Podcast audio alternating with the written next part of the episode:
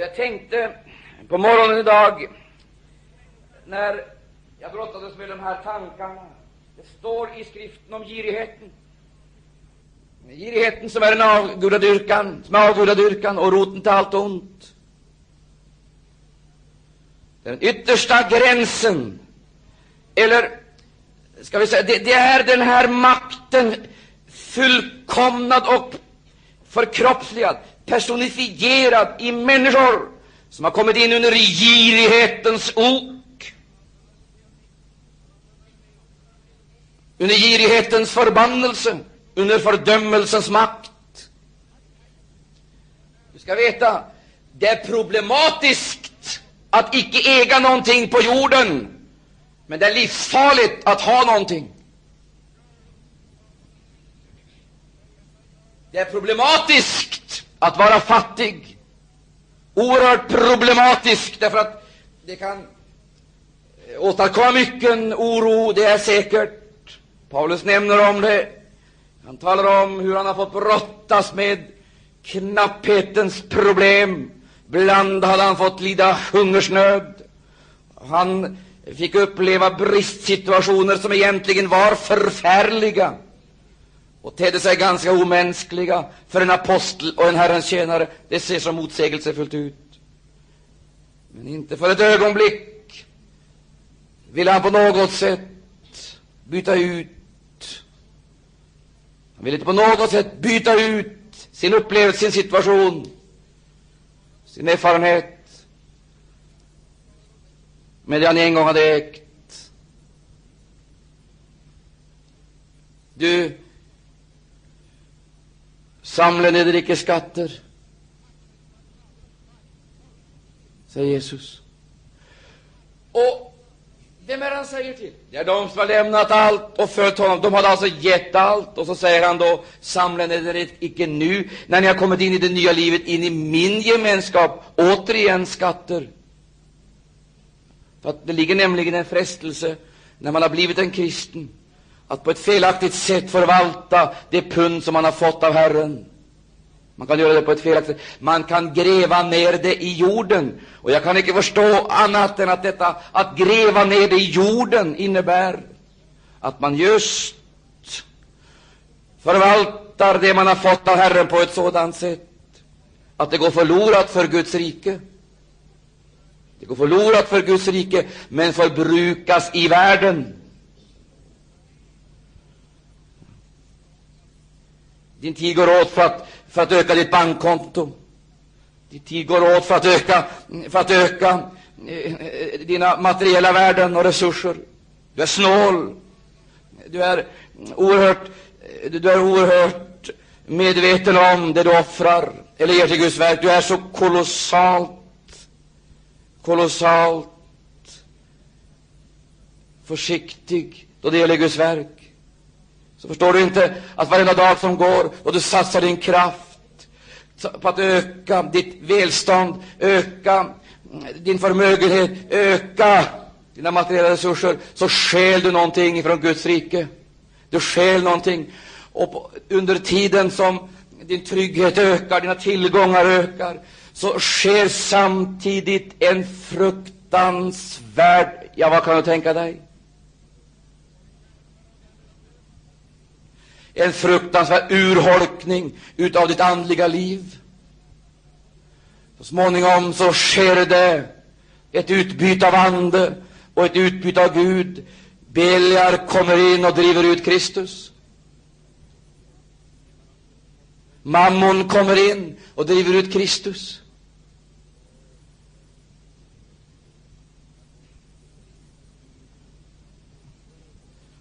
Det hjälper inte sen att vi använder samma ord i våra böner och samma eh, eh ge, intryck av att ha samma enförelse och inspiration i våra böner. Det hjälper ingenting, min vän, det hjälper ingenting. Frågan är vem som är föremålet för vår tillbedjan. Där din skatt är, där kommer ditt hjärta att vara. Var har du din skatt någonstans? Var har du din skatt? Har du den på den här sidan av evigheten, eller har du den innanför förlåten? Hur ska jag kunna veta det, säger du?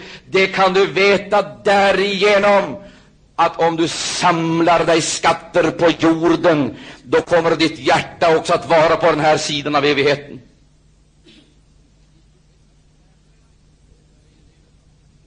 Och det jag nu ska läsa, det kommer inte på något sätt att gälla dig. Det avser inte dig som samlar skatter här. Utan det avser den lärjunge som har lämnat allt och som har förstått vad Jesu undervisning verkligen innebär. Det innebär att stå fri. Icke vara materialismens slav, men dess herre. Och Jesus säger så här, när han talar om det här. Ty där din skatt är, där kommer upp ditt hjärta att vara. Ögat är kroppens lykta. Om nu ditt öga är friskt, så får hela din kropp ljus. Men om ditt öga är fördärvat, så blir hela din kropp höljd i mörker. Är det nu så att ljuset som du har i dig är mörker, hur djupt blir då icke mörkret? Vilken undervisning! Tänk vad människor kan bedra sig. Tänk vad de kan bedra sig. Tänk att människan kan förledas att tro att just tillkomsten utav de materiella resurserna eller möjligheten att öka sin standard är ett uttryck för Guds välsignelse. Det är ett speciellt uttryck för Guds välsignelse. Man säger beviset på att man är välsignad av Gud, det är att man har ökat sin, sina materiella resurser, fått det bättre, ökat sitt välstånd. Det är beviset för att man är välsignad av Gud. Om det skulle vara beviset på att man är välsignad av Gud, då måste de mest heliga som har trampat på den här jorden, det har vanligtvis varit mycket fattiga människor, ha fullständigt missförstått vad Herren har menat med välsignelse. Och om det skulle vara ett bevis på välsignelse att man lever tryggt och säkert och gott i yttre och materiellt avseende, då måste en sådan som Paulus fullständigt ha kommit ut ur Guds vilja. Fullständigt.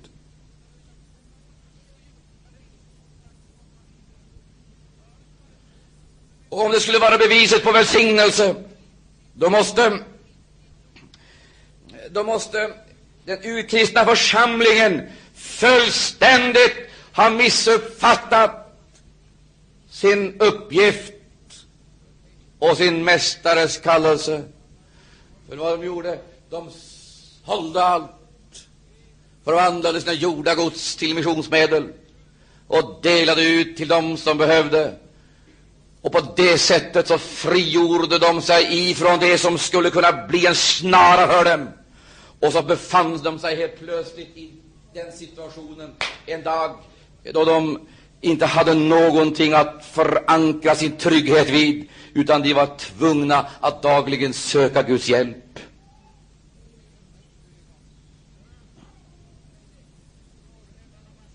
Det är inte romantik jag talar om här nu. Det är inte fattigdomens romantik jag talar om, utan det är Gudslivets realiteter.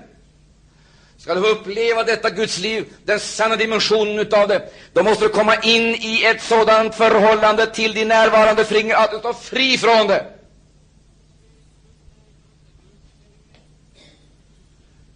Och jag har hört många människor ha sagt att man kan vara, man kan vara fri, man behöver inte vara slav under sina egna Jag ska tala om för dig, min älskade vän, det är få människor, eh, om det överhuvudtaget finns någon, som står fria i förhållande till det de äger eller har. Men nu kommer Jesus, och han går ett steg vidare och så säger han så här, det, det, handlar om religion. Det det handlar, och det handlar om Gud eller avgud. Jesus säger så här, ingen kan tjäna två herrar, till antingen kommer han då att hata den ene och älska den andra, eller kommer han att hålla sig till den förre och förakta den senare. I kunden icke tjäna både Gud och man, mammon. Och så kommer den praktiska tillämpningen utav att man har valt, man har valt, jag säger en gång till, man har valt detta fattigdomsideal. Så kommer den praktiska tillämpningen. Det är det här. Gören, Är det icke bekymmer för edert liv? Vad skulle ni äta eller dricka? Vill ni vara vänliga och se mig in i ansiktet här? Får jag ställa en fråga till er. Vem var det idag som började den här dagen med frågan, Herre, vad ska jag äta idag? Vad ska jag dricka idag? Vem var det som började föregående vecka, den vecka som ligger bakom? Herre, Herre, du ser våra skafferi stå tomma. Vi har ingenting i vårt hus. Den började veckan sa Herre Jesus, hjälp oss. Vi anbefaller oss i dina händer. Eh, vem utav er var det som började veckan eller eh, började dagarna? Herre, hjälp mig idag. Min tid är en gåva, min hälsa är en gåva. Alla mina resurser är gåva, pund som du har gett mig att förvalta.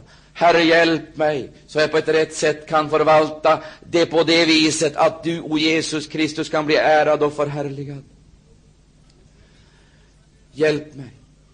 Och du ska veta, min älskade vän, låt mig få säga det till dig. Låt mig få, säga, låt mig få ropa det in i ditt hjärta. Det här förstår du, det här är icke i första hand ungdomens problem som än är buren utav hänförelse och idealism. Det är inte deras problem. Problemet för borgerligheten inställer sig när man har kommit in i familjeliv, äktenskap, fått barn, eh, blivit, fått en trygg anställning och har ett arbete. Man lever så att säga tryggt i några år och så är man fastlåst i det här mönstret. Successivt så har det skett en perspektivförskjutning under den där ungdomstiden, under idealismens och hänförelsens tid var himlen så nära. Var så verklig. Sant. Skulle kunna göra vad som helst för Jesus. Så tonade allt eftersom jorden liksom blev behaglig, komfortabel och fylld med njutningar av materiellt eller sensuell art. Så tonade himlen bort. Det blev inte heller behov av så mycket bönemöten. Bönemötena som kom till stånd, de hade liksom en helt annan prägel än de hade i förstone. Vad är det som har skett? Det har skett en perspektivförskjutning eh, evigheten, himmelen, den tonade bort och så fick man en liten himmel på jorden, en egen självbyggd himmel, ett eget självgjort paradis som består i, som består i kläder, som består i vällagad mat, som består i hus och hem, möbler och prylar. Det har blivit så klart för mig den sista tiden att detta är en frälsningsfråga. Det är absolut en frälsningsfråga. Man säger en helgelsefråga. Jag tror att man förenklar en liten aning för sig. Därför att det här är en frälsningsfråga. Den som icke är löst när Jesus kommer, kommer, kommer absolut säkert att stanna kvar då han kallar hem sin församling.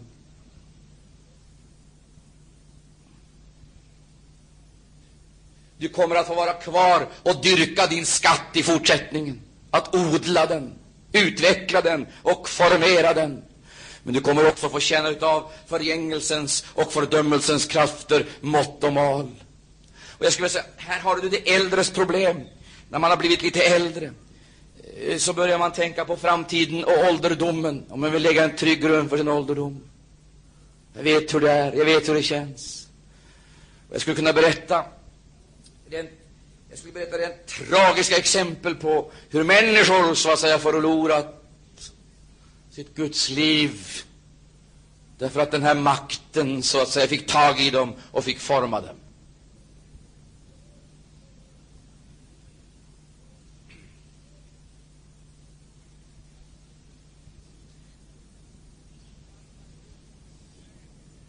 Bered dig möta Gud, vän. Bered dig möta Gud. Bered dig möta Gud.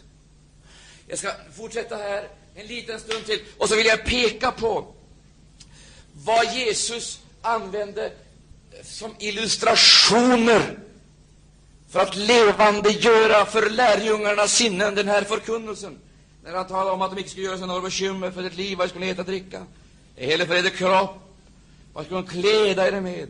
Är inte livet mer än maten och kroppen mer än kläderna? Livet, livet, livet, är inte livet mera värt?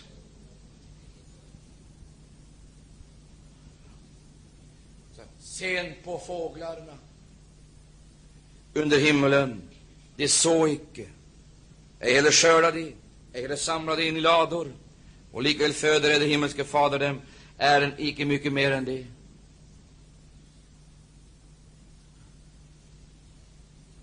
Jag vet inte vem av oss är det som uh, har känt behov av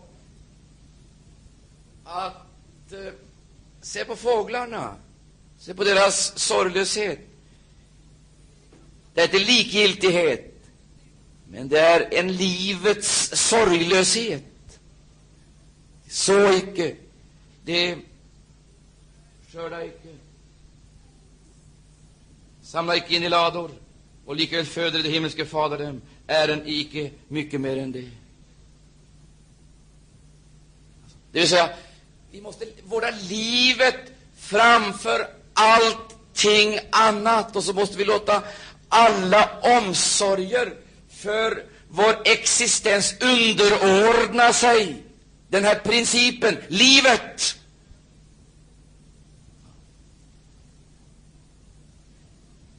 Det finns de som fortfarande vill påstå att de icke orkar, icke har tid att vara med i gemenskapen. Det är ett bedrägeri.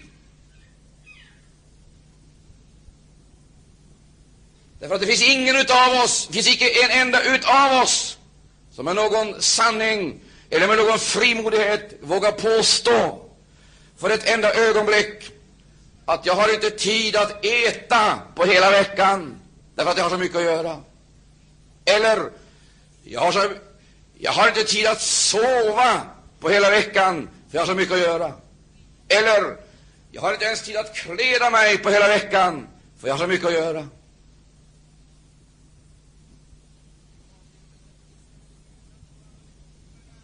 Vi lever inte för matens skull, men vi äter för livets skull. Det är likadant med det, det, det är frågan om livet. Hur ska mitt liv, mitt andliga liv kunna vårdas på ett rätt sätt? Först så måste jag befrias ifrån det som belastar detta andliga liv. Naturligtvis. Befrias ifrån det. Sen så måste det vårdas. Det måste vårdas i bönelivet. Det måste vårdas i bibelstudiet. Det måste vårdas i brödsbrytelsen. Det måste vårdas i tjänsten för Herren Jesus Kristus, i själavinnandet och i en osjälvisk omsorg för andra människors väl och ve. Det handlar om mission. Det finns ingen genare, bättre, bekvämligare och mer komfortabel väg för lärjungarna 1975 än det fanns för de första lärjungarna. Vägen är utstakad. Det är Jesus som har gjort det. Vi kan icke göra om den med någon framgång och tänka att vi ska nå målet.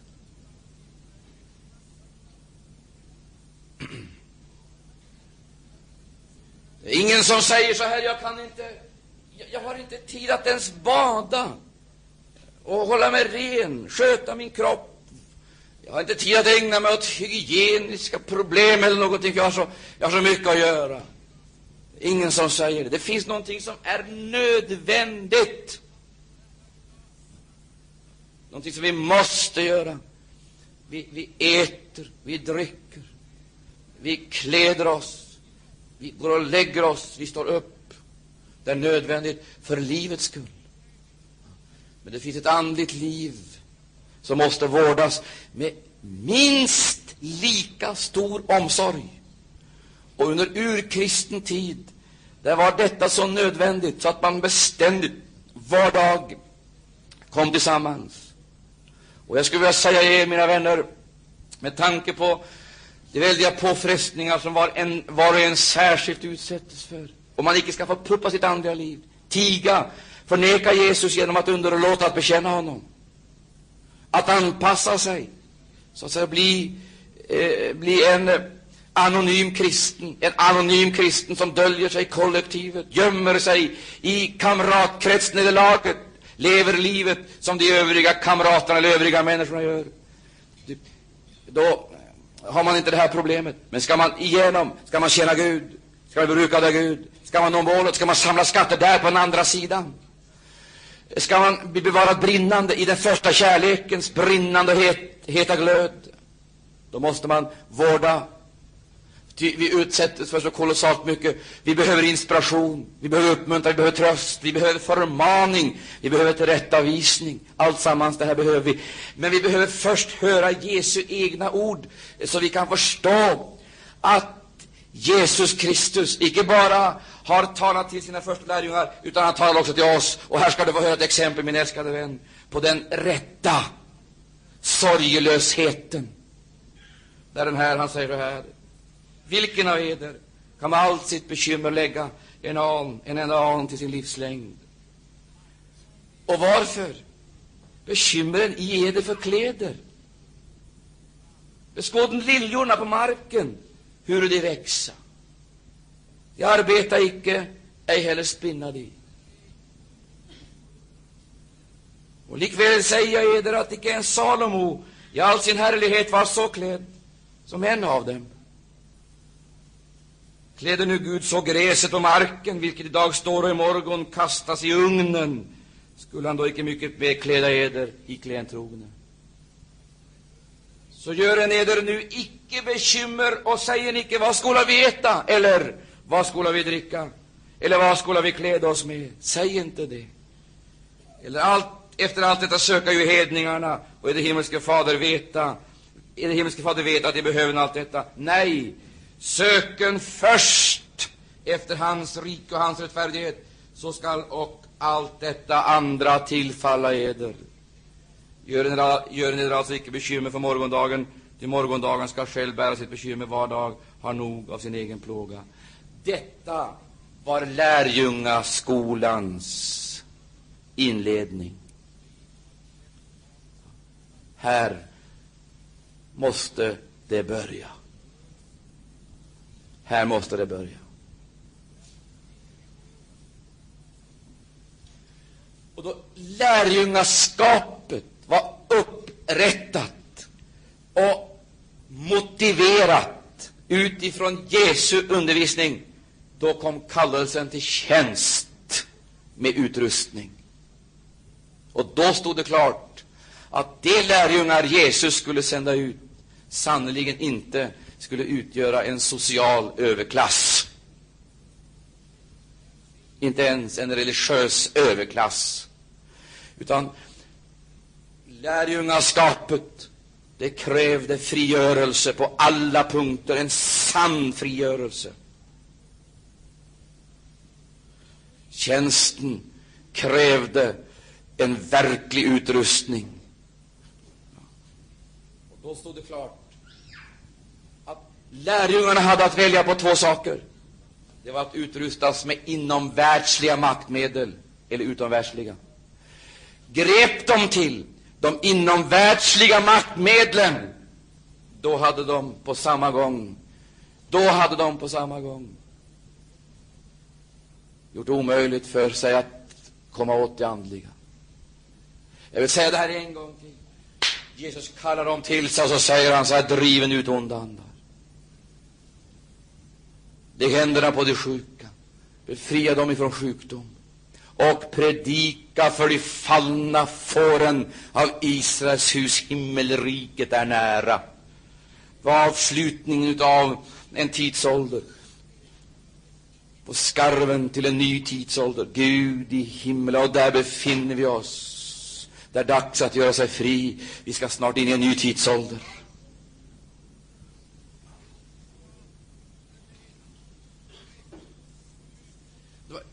De måste få utrustning. Utrustning över andemakter, över sjukdom, sjukdom, över demoner, över det onda. Men då skulle de själva vara så fria så att de icke kommer några mänskliga maktmedel. Och dessa mänskliga maktmedel, de symboliseras i de här sakerna. Rensen, första. Penningpungen, skorna och svärdet.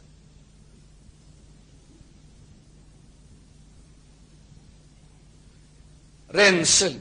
Jag skulle vilja dröja där, men tiden har gått och jag ska snart sluta. Men det är en sak dock jag måste säga. Det där med ränsel. Där har du samlen är icke skatter.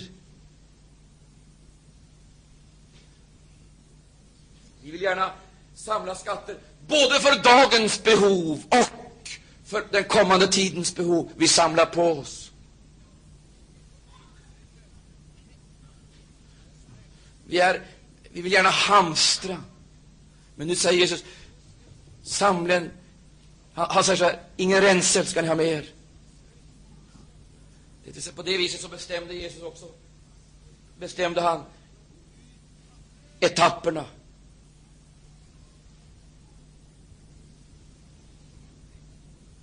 Sätt in i den här situationen. Lärjungarna hade, inget, hade ingenting med sig, utan de var helt beroende och utlämnade.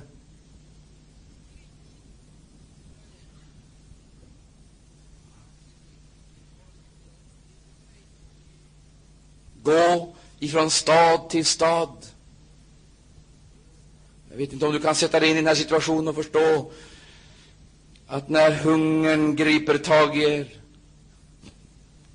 Gå in i ett hus. Där ska ni möta behovets barn.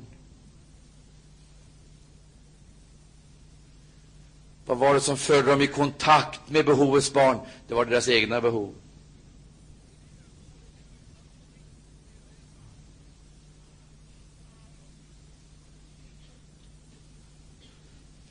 Jag om du riktigt fattar det här. De var utlämnade och beroende.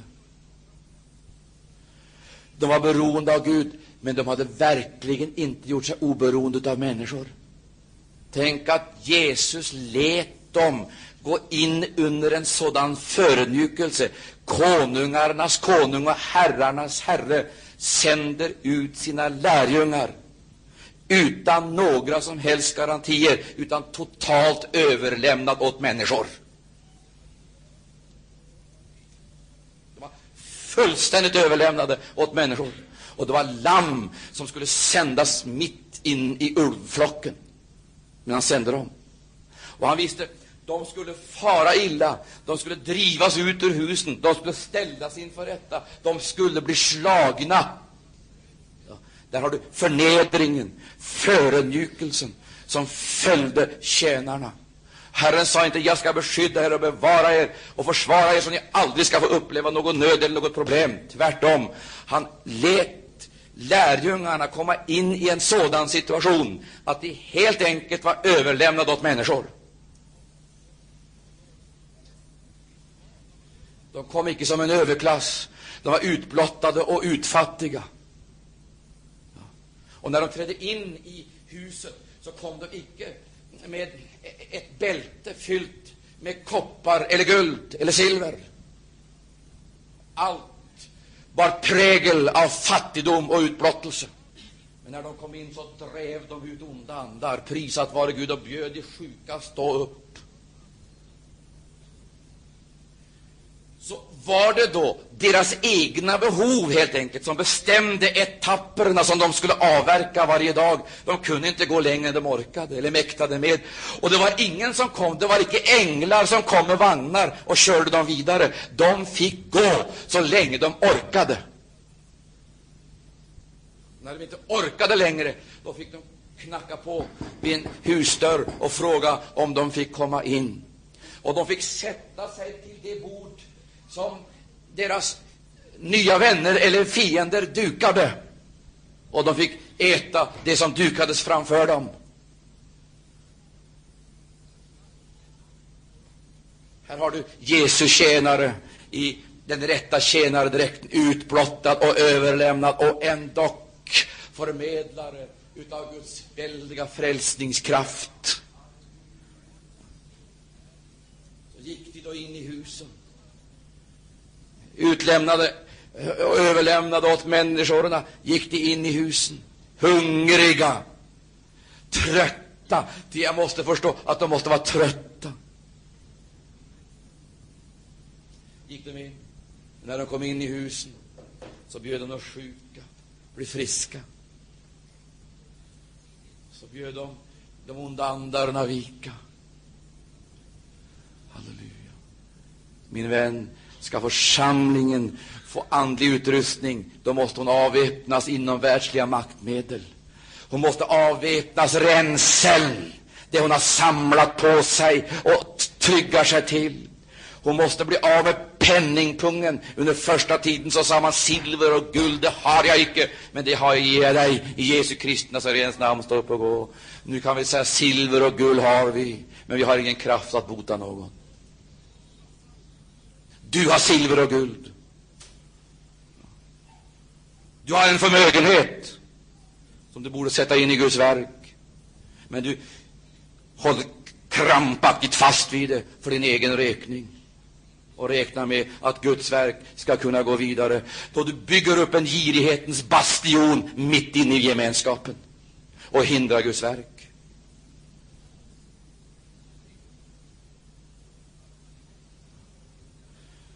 Guds verk kommer icke att gå vidare förrän du gör dig fri, min älskade vän. Du måste göra dig fri. Av med rensen, med penningpungen. Herren tar omsorg oss från dag till dag. Gud var evigt lov. Det är hans nåd som gör att vi kan börja dagen i hans namn, att vi kan arbeta. Det är hans nåd att vi lever, det är hans nåd att inte är ute med oss. Och det är hans nåd som ska föra oss hem och in i hans eviga himmel. Ränsel, penningpungen och svärdet, de hade ingenting att försvara sig med. Och därför så överlämnades de åt domstolar. Så det var icke en legion änglar som trädde ned och röjde väg. De kom i det mest förödmjukade och förnedrade tillstånd en människa kan befinna sig i och helt utan någon som helst prestige att slå vakt om eller värna. De hade inget svärd, det fanns inget maktmedel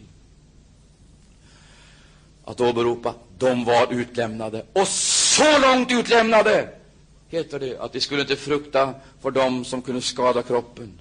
Det vill säga, Jesus gjorde klart för dem att de människor ni möter och överlämnas åt kan ta kroppen, fördärva er kropp. Men en sak kan de inte göra, de kan inte ta ert andliga liv. De fick inte ha två par skor med sig.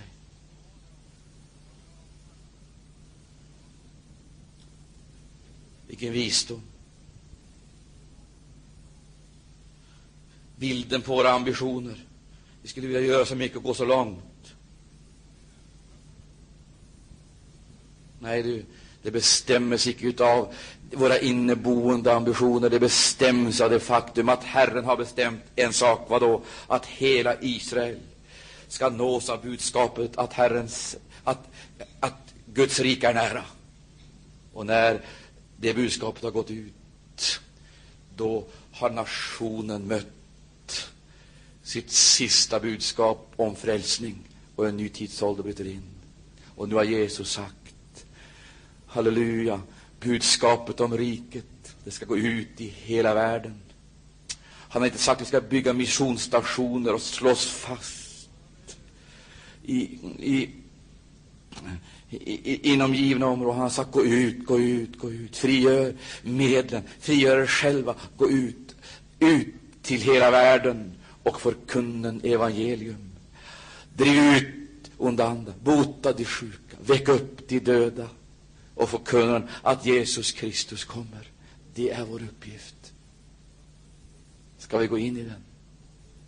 Eller ska vi gå andra vägar som liksom passar bättre för den värld som gärna vill ha våra tjänster, men föraktar vår frälsare.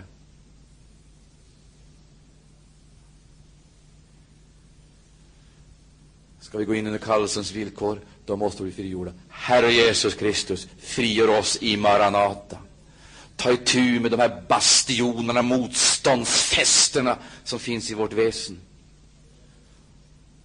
Fräls oss, fräls oss, fräls oss. Jag ber dig, fräls oss. Låt oss få uppleva syndanöd, verklig syndanöd. Verklig syndanöd. Låt det bli allvar. Så djupt allvar, kära Gud, så djupt allvar att kallelsen blir någonting mer än ett symboliskt betraktelsesätt, en tanke, en god tanke eller ambition, utan det blir en efterföljelse. Och Herre, vi går in i bergspredikans oerhörda budskap. Vi böjer oss. Jesus, vi lyssnar på din kallelse då du vill delegera oss makt, gudomlig makt och myndighet. Kära Herre, då vi har fått kunskap får vi också utrustning. Och tack, kära Herre Jesus, att du som ger oss utrustning ger oss också anvisningar om hur vi ska gå tillväga för att på ett rätt sätt möta människorna. Tack att du inte har gjort oss till en religiös överklass. Tack att du inte har gjort oss till en eh, religiös filantropisk verksamhet. Tack att du, Herre, icke har gjort oss, kära Herre, till en kulturelit eller någonting annat. Tack att du har gjort oss till reformatorer. Och som främlingar vandrar vi här nere, utlämnade, utblottade. Kära Herre Jesus, utan resurser, gode Gud, vad beträffar materiella ting, och ändå så rik på härlighet. Så rik på härlighet, så rik på kraft. Tack och lov, tack och tack för fattigdomen eh, som sätter oss i förbindelse med Guds rikes resurser. Tack för sorgen som kommer och stad bättring, kära Herre, och leder till liv. Vi prisar dig därför. Tack för lidandet som fostrar och luttrar oss, kära Herre, så att de gudomliga egenskaperna, gode Gud i himlen, framtonas i vårt liv. Tack för elden, lidandets eld, som reducerar slagget, tar bort slagget i vårt väsen, så den edla metallen kan komma till synes. Tack, kära Herre Jesus, för att du lär oss att rätt uppskatta de ting som världen har av rikedom och härlighet. Och du har gett oss klara besked om att den som samlar sig skatter på jorden kommer att bli en jordens träl och ett offer för en världsordningsande som till den ohyggliga grad har fångat så många av dina lärjungar. Kära Herre Jesus Kristus. Åh, vi känner den törnkrönte se med milda ögon på oss. Förlåtande, kära Herre Jesu ögon, halleluja. Och vi hör hans kallande röst när vi har gått under dina villkor, avklädd oss. Gud i himlen, fördömelsens härlighet och förbannelsens värden, då kommer du att delegera oss makt. Då vi har fått sett att människorna utlämnade åt ondskans andemakter är ömkansvärda i sin drift, kära Herre Jesus, emot okända mål, jagade och terroriserade av Satan. Åh, tack att du har gett oss din vision och ditt böneliv så får vi också denna gudomliga makt att driva ut onda andar. Herre, jag förnimmer, o Herre Jesus Kristus, vi har rört vid en mycket central, betydelsefull ting här idag. Det är själva livsnerven i hela vår religion som måste befria ifrån allt skrymtaktighet. Kära Herre Jesus, Gud i himlen, låt oss få komma in i det här heliga offerlivet, där vi upplever att inget offer är oss för stort. Så att vi kan se till att ditt verk icke behöver lida, kära Herre, lida brist. Att ditt verk icke behöver lida brist, utan att det kan utvecklas i överensstämmelse med din egen vilja. Åh, Herre, tack för väckelse i Stockholm. Tack för lidandet som vi ska få gå igenom som en ynnest Tack för förkrosselsen. Tack att du reducerar oss. Att vi inte längre, Jesus, har någonting att stötta upp vårt självförtroende med. Då vi inte längre har någonting att stötta upp vår prestige med. Då vi inte längre har någonting att stötta upp, Herre Jesus, vår självtillräcklighet med. Vi böjer oss djupt ner inför dig och tackar dig för denna utomordentliga nåd att du vill arbeta med oss, att du håller på med oss och att du ska lyckas genomföra ditt verk. Åh, Herre, vi tänker på massorna i denna stad. Herre, vi beder dig, fräls oss så vi kan frälsa andra. Du ser denna smygande cynism som gör oss okänsliga för andras nöd. Vi inte kan känna för deras frälsning eller gripas som det du gjorde. Gud, jag ber dig. Hjälp oss att vi inte drar oss undan när vi upplever och förstår att eh, motståndet reser sig. Vi blir mottagna eller utkastade. Förföljda, motsagda, hunsade och terroriserade. Så som de behandlade dig, Herre, kommer de att behandla dina lärjungar. Och vi går in under lärjungaskapets villkor. Vi vet att den som förnekar dig inför människorna kommer du att icke kännas vid inför din fader som är i himlen. Hjälp oss att vi icke förnekar dig i vårt sätt att leva, i vårt sätt att vara, i vårt sätt att offra, i vårt sätt att bedja, i vårt sätt att vittna, utan förhärligar dig inför människorna. Går in under oket och följer dig på din väg. Vi beder Jesus för ditt namns skull. Den som bekänner dig inför människorna ska du kännas vid inför din fader som är i himlen. Vi ärar dig därför. Amen.